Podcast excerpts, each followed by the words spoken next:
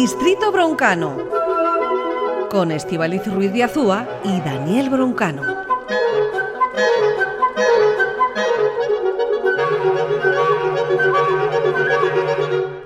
Nueva entrega de nuestro curso por fascículos de musicología e instrumentología avanzada, curso impartido por el profesor Daniel Broncano. Caixo Estivaliz. Oye, cada vez me saludas como con más protocolo. ¿eh? Es que esto tiene, esto tiene mucho protocolo. Esto de un curso por fascículos para aprender eh, cómo están los maestros de la orquesta aquí, todos dispuestos y preparados, necesita gran protocolo. ¿Hoy va a afinar la orquesta? Hoy no, hoy ya la damos. No, la tengo aquí un poco revuelta, pero enseguida se va a poner. Ya han dicho que hoy no dan el la. Lo han dicho ya en el, durante en, los minutos previos ya. Lo tenemos ya con el la puesto ya. Estupendísimo. Oye, yo espero que esto, que la gente también esté, este protocolo le esté siguiendo en casa y esté tomando nota y esté progreso. Yo creo que ya hay progresos ¿no? en, la, ciudadanía. Te diré, te diré, que hay progresos porque estamos intentando elegir instrumento. Claro, hemos ido ah, por el fagot, eh, por el oboe, hemos ido eh, por la trompa. Te diré que hablábamos con el director de orquesta, imagino que tú lo conoces, Joan Malachevarría, él es de aquí. Bueno, evidentemente hablamos de, su carrera como director de orquesta, pero nos hablaba de su instrumento, de la trompa, de cómo él se enamoró de este instrumento en un evento en, en, eh, en Guernica en el que él tocaba el chistu y quien estaba a su lado tocaba un instrumento que él no supo identificar y preguntó a su profesora, ¿este qué instrumento es? Y le dijo, la trompa. Y dice, yo quiero tocar ese instrumento. Esos momentos, ¿eh? Esos momentos de, epifanía y de descubrimiento. Claro. A ver, hoy vamos a, a descubrir, creo, este instrumento que da sentido, diría yo, a toda la sección lo que da sentido, de hecho, a la humanidad, diría yo. Mm, sé que voy a barrer para casa, vamos a hablar del clarinete hoy. claro, el clarinete. Tú juegas hoy en terreno propio, eh, juegas con tu instrumento. ¿Tú por qué elegiste el clarinete como instrumento? ¿O esto te lo eligen? Pues mira, en mi caso, eh, yo tuve un momento parecido al que, el que estás describiendo de eh, quedarme prendado por el oboe, por ese sonido tan eh, nasal eh, y tan particular que tiene. Y luego en la banda de mi pueblo, que, que, era una banda incipiente que estaba comenzando, pues es que hacían falta clarinetes. Entonces, entonces el destino eligió por mí. Me dijeron, mira, pequeño Daniel, abre la casa, a ver qué hay. ¿Te gusta? Es un clarinete. Hala, adelante. Pero claro, es que es cierto que por otro lado que los, los, instrumentos son eso, son un instrumento para hacer música, o sea que son un medio para llegar, para tocar el cielo con los dedos. Hombre, el clarinete también digamos que es transportable, ¿no? no como otros instrumentos con los que hemos ido transitando también. Por supuesto, o sea, a nivel práctico, a nivel eh, bricomanía es un buen instrumento. Es un instrumento que está hecho, inicialmente estaban hechos de madera de boj, Em, luego han ido cambiando otro tipo de maderas. Es cierto que mm, además tenido un desarrollo tecnológico eh, bastante tardío. O sea, la, flauta es mucho más antigua, el oboe, el fagot. El clarinete fue un poco un invento del siglo XVIII, de principios del siglo XVIII, donde se empezaba a experimentar con, bueno, pues con flautas a las que se le añadía una especie de boquilla que casi era como un reclamo para patos, o sea, era, como una especie de boquilla con una lengüeta que era súper potente entonces había al principio como dos versiones, como dos antecesores del clarinete. Uno era el chalumeau, que sonaba grave, y otro era el clarino, que era muy trompetero. O sea, tenemos que imaginarnos una especie de em, clarinete pitón, muy, muy eh, sonoro. Y esto yo es lo primero que te propongo escuchar. Vamos a escuchar como este, este eh, abuelo del clarinete o este antecesor del clarinete moderno, eh, una de las primeras veces que se empezó a escribir música un poco ya descubierta, no como, como relleno dentro de la orquesta, sino, oye, para que se luciese. Este era un clarinetista que se llamaba eh, Johann Melchior Molter, alemán. Así que vamos a escuchar este clarino barroco, este antecesor, si te parece. Pues que me suene, porque está afinado también hoy con la orquesta. Está muy afinado, está muy afinado.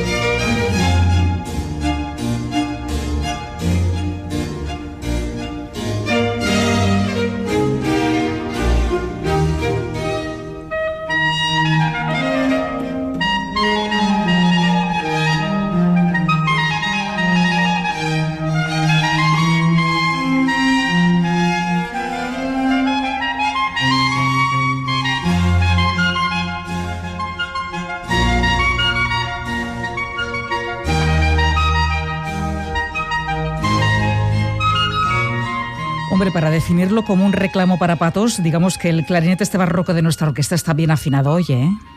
Sí, a ver, claro, el, el, reclamo para patos era esta especie de boquilla que se añadía a, la flauta. Digamos que luego eso ya hace que suene como este instrumento celestial. Vosotros son muy especiales también, digo, los clarinetistas con lo de las, de las boquillas. Hemos visto aquí algunos instrumentos donde son verdaderos artesanos de, de las boquillas. ¿Vosotros también sois artesanos de las boquillas? Un poco menos. La cuestión es que estas lengüetas del clarinete, que se llaman cañas, eh, son un poco más sencillas que las de los oboes y los clarinetes la mayoría de los clarinetistas las compran hechas. Eh, dentro de esto a veces hay que retocarlas, hay que, hay que eh, lijarlas de alguna forma o hay que adaptarlas un poquito, pero no tenemos que tener una carpintería en casa, como sí que tienen, como sí que los oboístas. ¿Y tú entras dentro, entras dentro de esa mayoría? ¿Tú también las compras? Sí, claro, claro. Vamos, eh, luego no las, no las tocas mucho.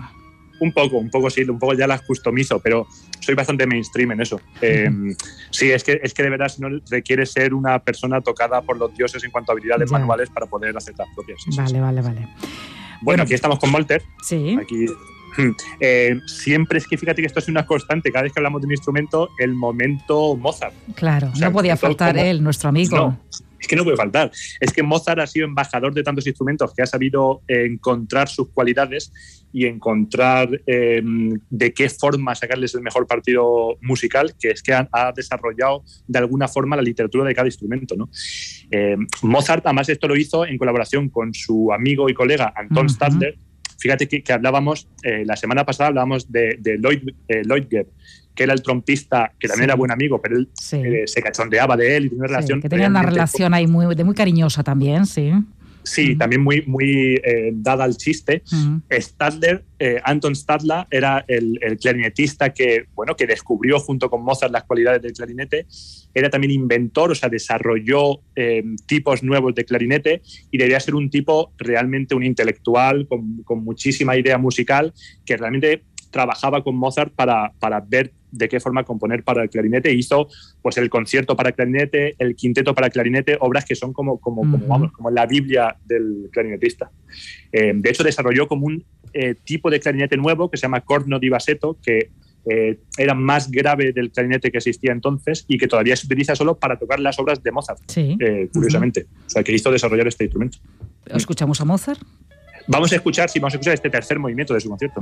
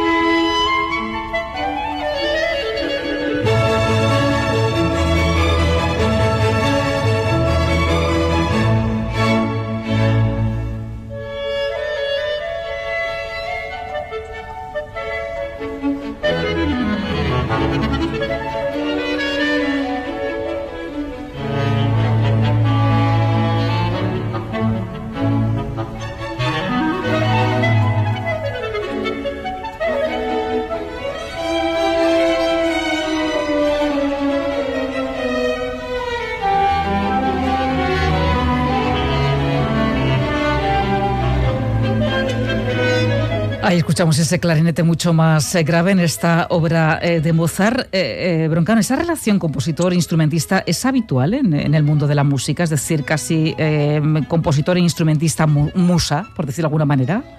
Totalmente, totalmente, claro. o sea, un montón de las composiciones para un instrumento solista se hacen, se hicieron y se siguen haciendo para una persona en concreto, ¿no? Y a veces pensando en sus cualidades, en qué es capaz de hacer bien, qué es capaz de tocar bien de hecho, hay, oye, el concierto de Tchaikovsky para violín, que él lo hizo pensando en este violinista en concreto y que luego nadie podía tocar después, hasta, hasta décadas después, porque nadie tenía esa técnica. O sea que es bastante, bastante habitual y especialmente en el clarinete. Por ejemplo, está el caso de Mozart con, con Stadler, eh, por ejemplo, también de Calmaría von Weber, eh, que también escribió muchísimo para clarinete, con eh, otro clarinetista que se llamaba Hendrik Ballmann eh, y que este era, bueno, pues uno de los que desarrolló también la técnica de clarinete en general y luego pasaron décadas hasta que alguien podía tocar eso de nuevo. Es que estos casos se dan, claro que sí. Mira, ahora mismo esto que estamos escuchando de Mozart, además es curioso que, claro, esto era un clarinete que eh, prácticamente no tenía llaves, o sea, tenía cinco llaves. Esto quiere decir que había que hacer combinaciones muy enrevesadas con los dedos para conseguir todas las notas. Mm, esto es eh, como, bueno, pues como un trabalenguas, pues un trabadedos. Sí. Claro, luego según se fue desarrollando un poco la tecnología, bueno, añadiendo estas llaves de metal que a lo mejor podemos tener en la cabeza, que tiene un, oboe, un clarinete, llegó el bueno de Weber ya para un clarinete de 12 llaves. Esto quiere mm. decir que ya tenía un poco más de agilidad para componer una música tan virtuosa como esta que vamos a escuchar a continuación, que es el quinteto para clarinete de Calmaris von Weber.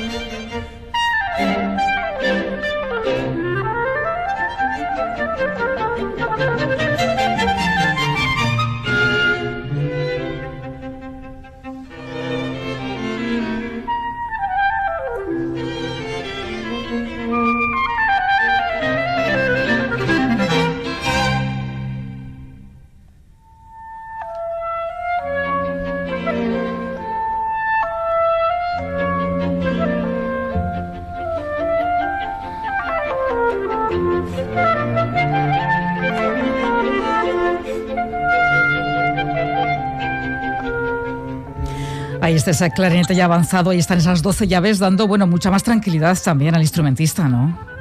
Hombre, claro, dando mucha más tranquilidad al clarinetista, a no ser que el compositor se obsesione con escribir cosas dificilísimas como esta, claro, claro, claro, claro. Mm. vamos a hablar de un compositor fundamental que es Johannes Brahms. Nunca hemos hablado de Brahms, creo. Pues no podría decirte si hemos hablado en todo nuestro, nuestro currículum que tenemos ahora en nuestras eh, lecciones de musicología.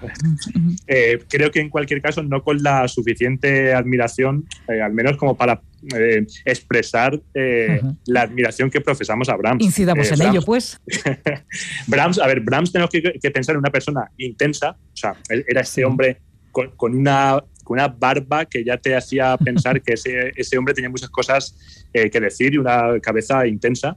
Em, una persona eh, bonachona, pero mm, que cuando hablaba la gente se callaba, a ver qué decía este hombre, musicalmente. Em, él trabajó con, de nuevo con, otra, mm, con otro clarinetista musa, que era Richard Müffeld, sí.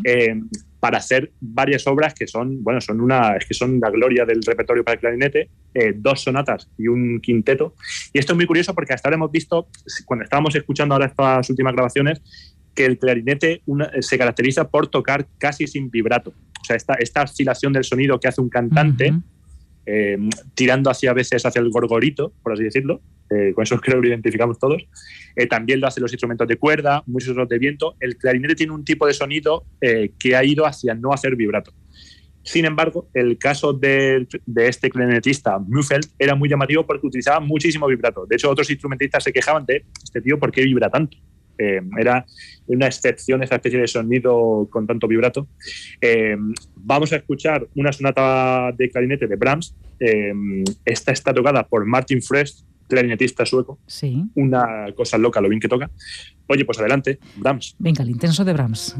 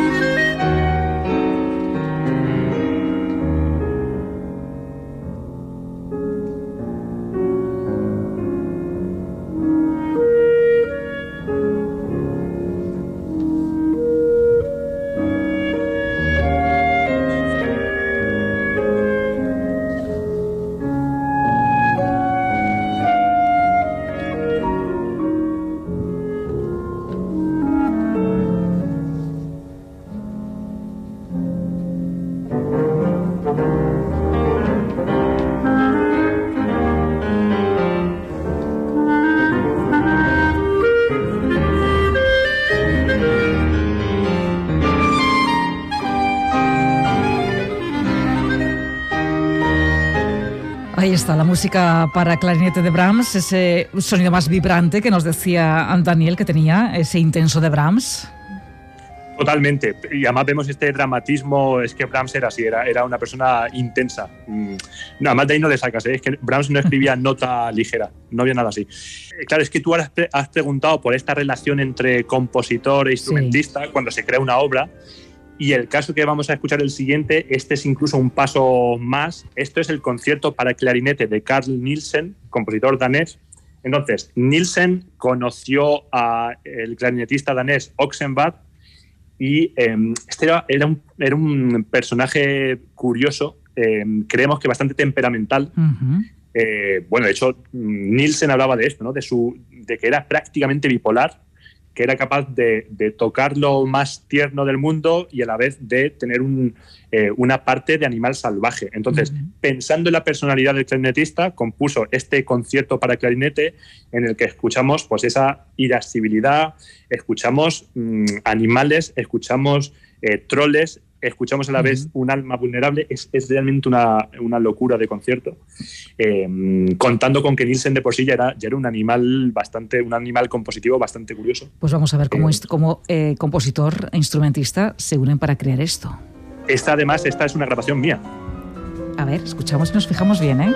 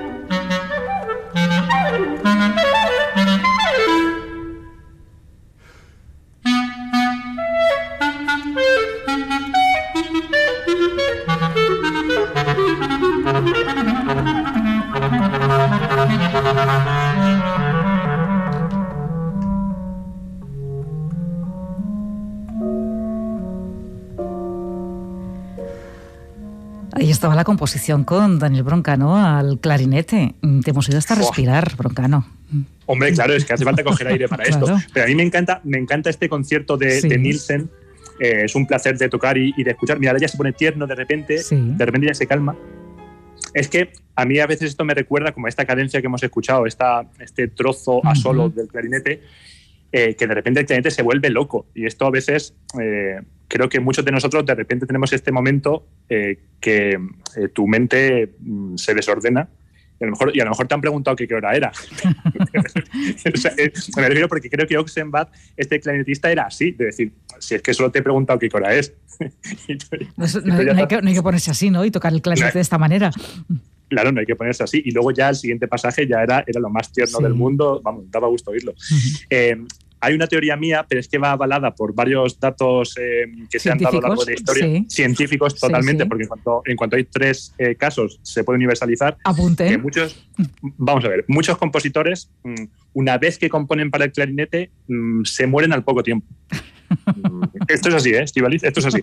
Porque yo creo que ya un poco su cometido artístico y por tanto vital se ha, cumplido. Su vida profesional está completa han hecho lo que tenían que hacer. Mm, más o menos como los zánganos en una calmena, ya, han hecho lo que tenían que hacer. Bueno, es una comparación, vale, que te la compro, bien. Me la compras, porque, porque Mozart, por ejemplo, hizo sus conciertos para clarinete al final de su vida, también pasó con Brahms, que también dobló la servilleta. dobló la servilleta al poco de hacer sus últimas obras para clarinete. Y está el caso de Francis Poulenc, un compositor eh, que hizo una obra para clarinete maravillosa y la hizo para Benny Goodman, el clarinetista de jazz, se la dedicó a él la iban a tocar juntos, no la pudo mm. estrenar porque falleció poco antes porque, bueno, esta leyenda negra un poco en torno al clarinete, que un compositor una vez que ha escrito para el clarinete ya, ya estaría. Vamos a escuchar un poco de esto si quieres. Venga, vamos a escucharlo, a ver si no nos pasa nada. Sonata de Poulenc.